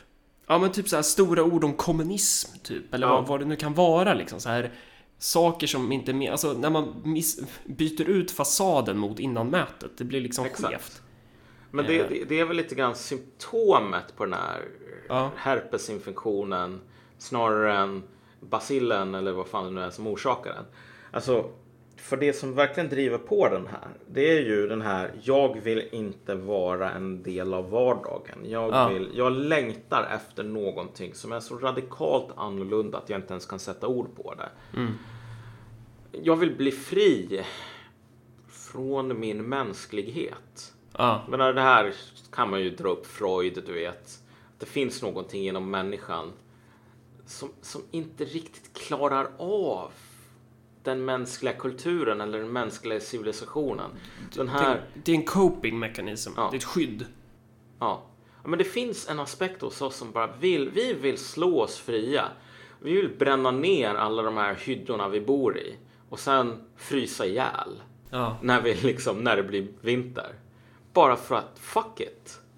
Och det är den sortens death drive, den här liksom mörkret inom folk på ett plan. Som verkligen kan infektionen kan rulla ur kontroll och bara ta över hela hjärnan. Fetma är väl typ så? Alltså det, det är inte fel att ha lite fett på kroppen. Ja, Det, det kan vara bra. Det kan man hålla i och klättra på människor med. Jag vet inte. Ja, det, det, det kan vara bra att ha lite fett på kroppen i alla fall. Men man ska ju inte se ut som en jävla sumobrottare typ. Kolla, nu, nu kritiserar jag fettnormen här Malcolm. Ja, Mm, ja, precis. Himla intolerant av mig, men... Om man inte är en sumobrottare förstås. Ja, Det nej, finns en precis. anledning till att de käkar på sådär mycket. Ja. Men, men så här, jo men jag fattar vad du menar. Men det, den situationen som vi är i idag, och det här ser man ju. Och, och med det menar jag liksom att det, en gnutta millenarism är okej. Mm, Men, men inte för stora mängder. Jo men precis, Ja. jag, kan ta, jag kan ta ett exempel från Malcolm Schunes vardag här. Och det är ju, nu åkte jag ju till Almedalen av lite olika anledningar. Jag skulle träffa Amina Kakabaveh bland annat. Mm. Och eh, sen så gick jag på massor med seminarier om såna här eh, kriser för olika myndigheter och typ en del så här seminar ett seminarium för svensk industri också som jag tyckte var väldigt intressant. Eh, Och då var det ju så här, så här chefer från ABB och SSAB och liksom så här svensk Boliden och lite andra där som höll på att berätta om sin verksamhet. Sen så kommer man hem efter att ha lyssnat på det där seminarierna och varit i Almedalen och pratat med folk. Så ser man alla de här, nej den sanna arbetarklassen liksom skulle bara neutronbomba det här. Därför att, åh gud vad äckligt jag spyr. Och så frågar jag, har du varit där någon gång? Bara, nej, jag är en son av folket, jag är en sann proletär. Och jag bara tänker så här, my god, det här är ju människorna vars industrier du ska nationalisera. Vars, om du nu är en kommunist. Det här är myndigheterna som du ska styra över en dag. Det här är den svenska industrin som du kommer att vara ditt ansvar när du har tagit över makten i den här proletära revolutionen. vad fan har du för jävla rätt att vara nonchalant och säga nej Mm, men jag, jag skulle bli smutsig om jag visste typ att det fanns ett bo, liksom, gruvbolag som hette Boliden i Sverige. Alltså, men det visar ju på den här sortens miljonära. Jag vill fly från vardagen. Jag vill inte tänka så här. Okej, hur funkar ABB? Vad har ABB för produktion i Sverige? Och hur ska vi göra med den någon gång? Liksom, så här. Ska vi ta över den? Ska, ska den finnas kvar? Ska den avvecklas? Typ. Hur funkar tullmyndigheten? Hur många människor behöver de? Hur ser utbildningen ut? Kan man ha liksom värnpliktiga så här, juniortullare? Människorna som håller på och skriker Almedalen, Almedalen, det är så jävla hemskt. Och visst, det finns Alexandra Pascalido där. Och så finns det tusentals jävla människor i chinos och blå skjorta och kavaj från svenskt näringsliv som försöker kränga grejer. Men just det här, jag kan inte blanda, beblanda mig med hororna och tullindrivarna typ. Fuck you!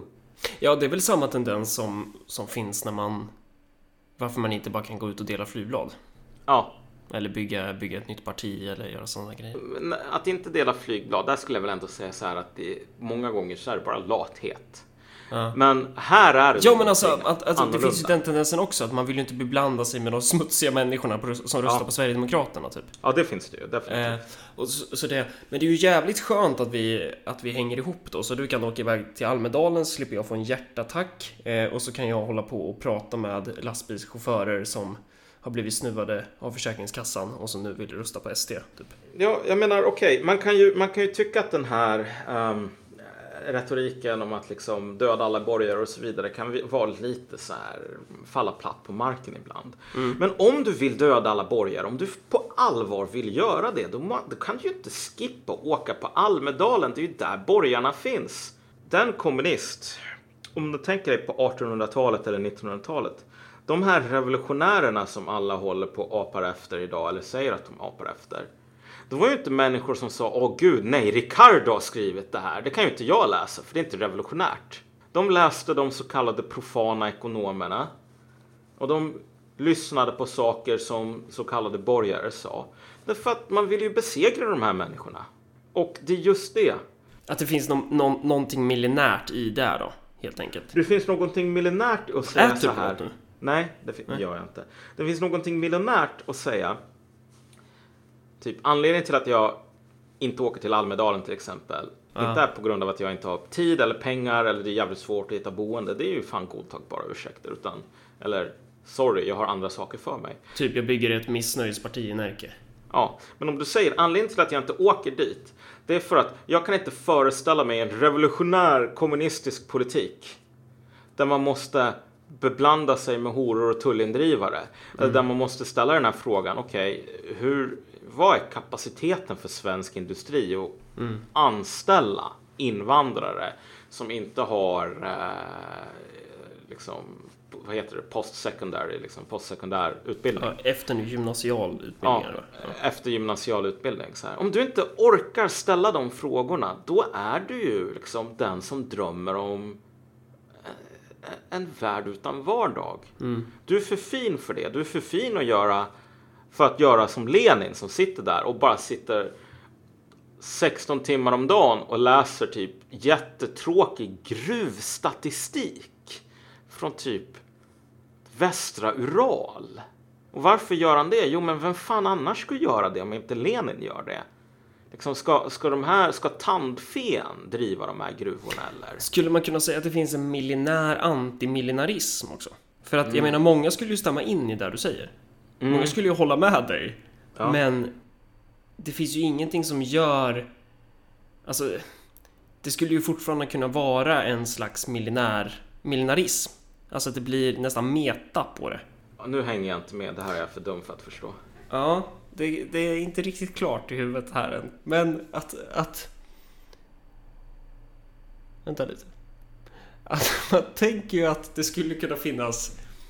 Jag tror att många skulle ju hålla med om allt det vi säger. Att så här, kolla man måste läsa den här gruvstatistiken och man måste göra de här, de här grejerna. Men man kanske missförstår syftet med dem. Man kanske inte klarar av att sätta det i rätt kontext utan man kanske tänker att det här är en del i profetian. Det här är en del i Ja. det nya millenniet. Så att Precis. därmed finns det en slags eh, uttalad antimillenarism som blir millinär.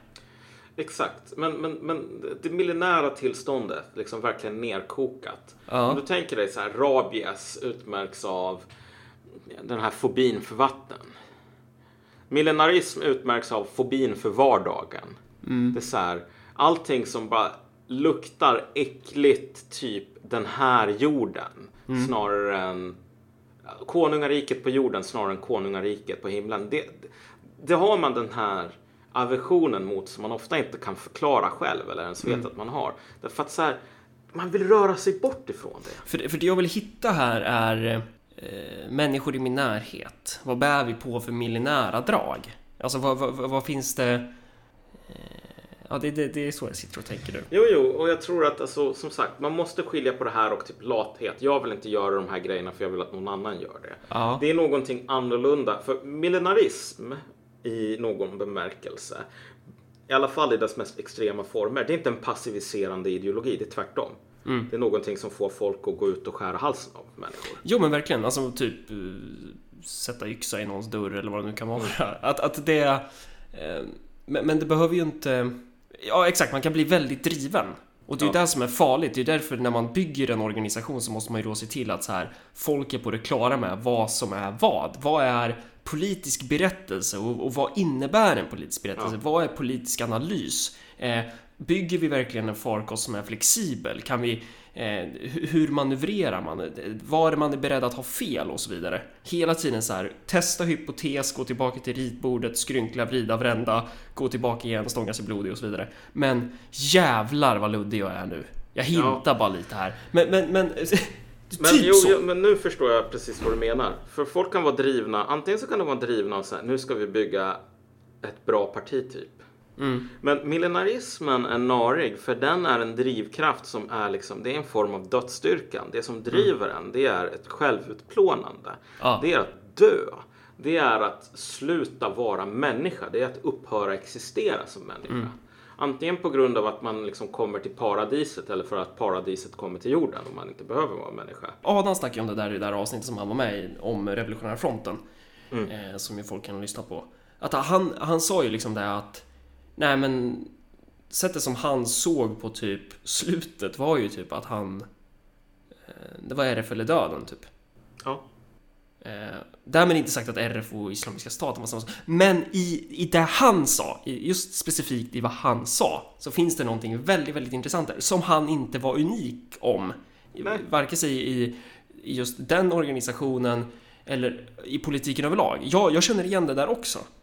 Ja, men definitivt. Och vilket också gjorde att så här, när jag blev utesluten från Vänsterpartiet ehm, och Ung Vänster. För mig så var ju det, jag hade ju lagt allt på det här kortet. Vi har ju fortfarande inte gjort avsnitt om det här. Vi är dumma i huvudet. Va- Varför har vi inte gjort avsnitt om det här? Det måste vi ju göra Mm. för att sätta saker i perspektiv. Men hur som helst, det blir ju helt jävla svart. Man bara, vad vad fan gör jag nu då? Det här var ju jag. Mm. Det här var ju Marcus Allard. Jag dog precis. Mm. Och så, och så står man där och bara Jaha, det blev ingen CD. Mm. Ja, du, jo men precis. Det där är... Men det är jättebra. Det är ju perfekt, för det är ju precis det här som behövs ju. Man behöver ju få den här örfilen. Man behöver ju vakna upp från det där. Och det är väl det som är grejen att rörelser som är svaga och som inte har politisk makt, där kan väl millinära tendenser blomstra.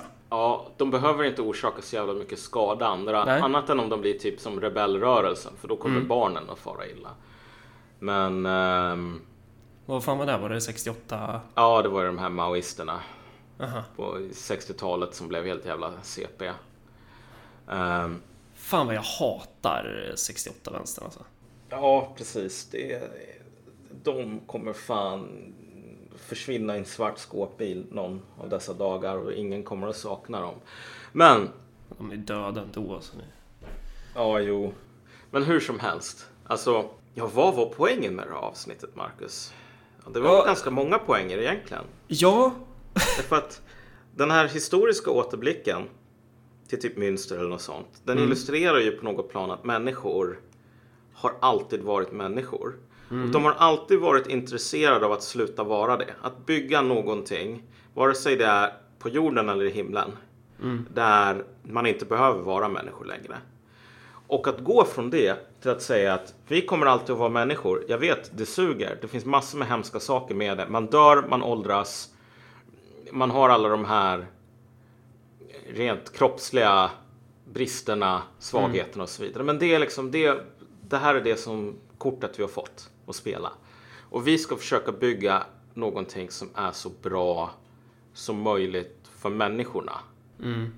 Här och nu, inte vid regnbågens slut, inte på andra sidan millenniet, utan här. Vi ska göra en bättre vardaglig tragik. En, ja, ett bättre ställe att vara olycklig på. Liksom. Ja. Det är inte alla som klarar av det. Det, det, det. det är på ett plan ganska deprimerande. Typ. Man är ju helt dum i huvudet. Varför skulle man vilja göra det? Ja. Alltså, vad, är det, vad är det som är attraktivt? vad är det som är attraktivt med några idioter som var så här... Jag menar, det, det är ju mycket mer glory i att typ gå med och kämpa för, jag vet inte vad, en jävla våldsam organisation som slåss för typ rasens makt över Norden eller, eller vad det Det nu är kan mycket vara. roligare att hålla på och stapla dödskallarna på hög. Ja, Det, det är ett faktum som vi inte gillar att tala om i PK-Sverige. Men alltså när det gäller så här eh, göda hav av blod och berg av dödskallar. Det finns någonting i det som ganska många människor tycker är roligt. Alltså på något plan. och oavsett om den där pyramiden förklär sig i formen av så här fullkomligt vansinnigt naiv eh, humanism inom citationstecken. Eh, eller om det är någon annan sån här så kallad extremistisk ideo- ideologi eller något sånt. Så, så, är det ju, så är det ju väldigt attraktivt. Ja, det är just det där. Ehm, det är attraktivt och sen så när man målar in sig i ett hörn då har man bara ett eh, val kvar och det är att dö. Vilket är varför de här sortens rörelser som typ IS, som så här, Münsterupproret och liknande, det, det slutar bara i död. Det här är vid slutet på regnbågen, vid den här långa vägen till över horisonten. Det enda som väntar en där, det är död. Ens egen död och många, många andras. Kommunismen har varit där, men man behöver inte vara kommunism för att vandra den vägen. Därför att det är någonting allmänmänskligt. Och det fanns människor som vandrade den vägen tusentals år innan typ Pol Pot började skicka folk med glasögon till liksom dödslägren. Och det farliga med det där, det är ju att det, i början så framstår mycket av de här drömmarna som så jävla sympatiska. Vem vill inte leva i en bättre värld liksom? Men vill man leva i en bättre värld, då måste man bygga en bättre värld. Alltså, Det här är ju en av anledningarna till att, tänk dig de här vänstersekterna, de här bokstavspartierna. Jag tror inte, de kommer att gå hädan utan att kröka ett enda hårstrå på någon, för de är så totalt irrelevanta och det är fan tur. Skulle man ge SKP eh, makten över samhället, det skulle fan inte bli kul att bo i Sverige. Inte på grund av att alltså, de här människorna är otroligt inkompetenta. Det är de ju i och för sig, men det är inte det som är anledning. Och det är inte så att folk i SKP är jätteonda. Anledningen till att jag säger att du skulle få de här pyramiden av dödskallar om du gav makten till SKP. Det är precis samma anledning som du skulle få pyramider av dödskallar när du gav makten till någon så här fria moderata studentförbundet eller mm. någon sån här Luft. superlibertarianer. Det här är människor som har byggt en sån här boosterraket. De har inte byggt en rymdfärja.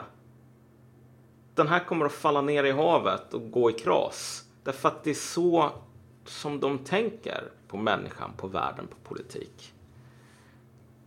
När man bygger, och det här är ju det enda som typ bokstavspartierna vet att bygga. Det är den här boosterraketen som ska ta en upp till stratosfären och sen ska komma man flyga fritt i den postrevolutionära himmelriket.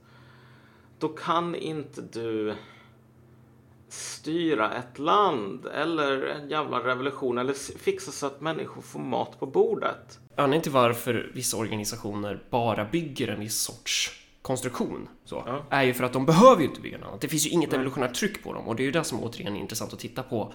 Till exempel Sverigedemokraterna. där fanns, det finns ju ett annat tryck på dem att utvecklas. För man exakt. utvecklas ju inte av fri vilja. Man utvecklas Nej. ju av örfilar, konstanta jävla örfilar. Det är ju, det är så man tar sig framåt. Ja, ja, men alltså men så som trottarna till exempel ser på världen. Det är ju att alltså, det här med jävla trottetidningen som alla måste ha, den här agitationen. Det är ju en regndans. Ja. Det är en regndans. Det är vissa magiska formler, besvärjelser. Och när väl regnet kommer, då är jobbet utfört. Så det fin- de behöver aldrig säga, men fan, kanske kommer inte revolutionen nu bara på, för att vi har den här tidningen. Därför att alltså, det här är ju magiskt. Men det betyder att ingen av de här kommer någonsin åka till Almedalen. Så även om man gjorde en jävla revolution åt dem och sen sa man här, nu får du styra landet. Då skulle de behöva spendera typ ett år på att ta reda på var kommer maten ifrån. Och vid det laget så skulle maten redan ha tagit slut och så skulle det vara blodtörstiga kannibaler ute på gatorna som åt Och det, folk. och, och det gäller ju ganska många politiska rörelser som, Ja, som, som inte... Och jag menar, är, vi- är vi så jävla mycket bättre själva? Alltså vi, vi har ju ingen politisk makt just nu. Men alltså, kolla. Det här handlar inte om politisk makt. Därför att det finns många som har noll. Men vad det handlar om är... Är du rabiessmittad? Eller har du smittats av den här Ja. fasan inför vardagen? För här har kommunister mer att alltså, sona för än många andra. Även om man lätt kan överdriva så här, hur millenärkommunismen som var. Så var den fortfarande en millenär ideologi från början. Och de flesta som tyckte att kommunism är skitballt, de var ju, tyckte att det var skitballt av samma anledning som folk tyckte att millenär kristendom var skitballt. Man vill inte hålla på och gå i kyrkan, man vill fan åka upp till himmelriket så jävla snart som möjligt.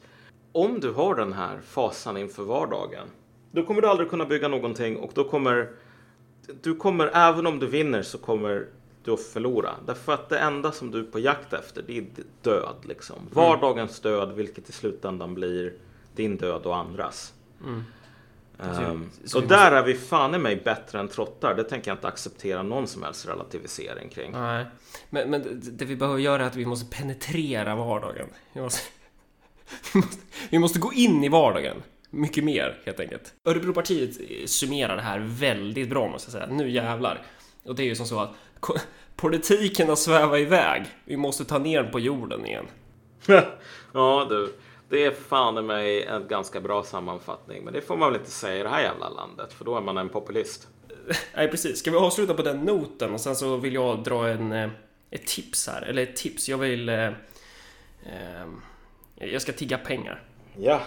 Det är så här, Örebropartiet driver just nu en insamlingskampanj för att vi ska kunna finansiera vår valkampanj. Eh, och eh, vi har just nu ett insamlingsmål på 35 000 kronor som vi vill uppnå innan den sista september, det är planen. Eh, och om man vill hjälpa till att eh, eh, stödja de här, vad ska vi kalla det? Det här vardagspartiet då. Ehm, så kan man ju antingen swisha valfri gåva till 123 043 99 43. Alltså 123 043 99 43. Och så skriver man gåva. Ehm, och sen eh, om man inte har Swish så kan man sätta in det på plusgirokonto 71 49 78 4. 71 49 78 4. Märk gåva. Fan vad bra! Eh, då hoppas jag att vi, vi har en mätare på den sidan och mätaren är i grön färg. Det är väldigt nice när man ser att det blir mer grönt. Vi vill att den där mätaren ska gå uppåt. Brukar, brukar du jobba så Malcolm, att när du, när du, ska understry, när du ska stryka över något på din att göra-lista så tar du liksom den gröna pennan och så gör du så här, stryker under. Vet du vem, jag, jag måste faktiskt, nu blir jag orolig för din skull Marcus. Vet du vem som också sa att det är jävligt nice när det blir mer grönt? Hitler? Mehmet Kaplan. Jaha. Så ehm, det, är- där har du någonting att fundera på. oj då. Och som alla lyssnare kan fundera på till nästa avsnitt. Ja, vet vi hur vi ska prata om då? Nej, det vet vi inte va? Vi kan ju köra, har vi, inte, har vi kört den här med liksom eh, jihadister och liksom Nej. vad de skapar dem än? Då kör vi den. Att det är så jävla bra att du inte vet vilka avsnitt vi har. Ja, jo men vad fan, jag börjar få Alzheimers. Jag vet inte om jag klippte bort dig förra... Ja, jag med. Jag är helt såhär väck. Jag vet inte vad det är för, för dag längre. Eh, jag vet inte om jag klippte bort det i förra avsnittet, men vi sa ju typ eh, bara så här, ja, det här avsnittet vi spelade in då, ja, nu kommer jag inte ens ihåg när vi sa att vi spelade in det, men vi hade så inåt helvete fel på tidsuppfattning i alla fall. Nu skiter vi det här och sen så ses vi förhoppningsvis nästa vecka. Ha det så jävla bra tills dess. Hej då! todos como una sola voz, veremos mañana el nuevo sol. Veremos mañana la nueva sociedad que se agobie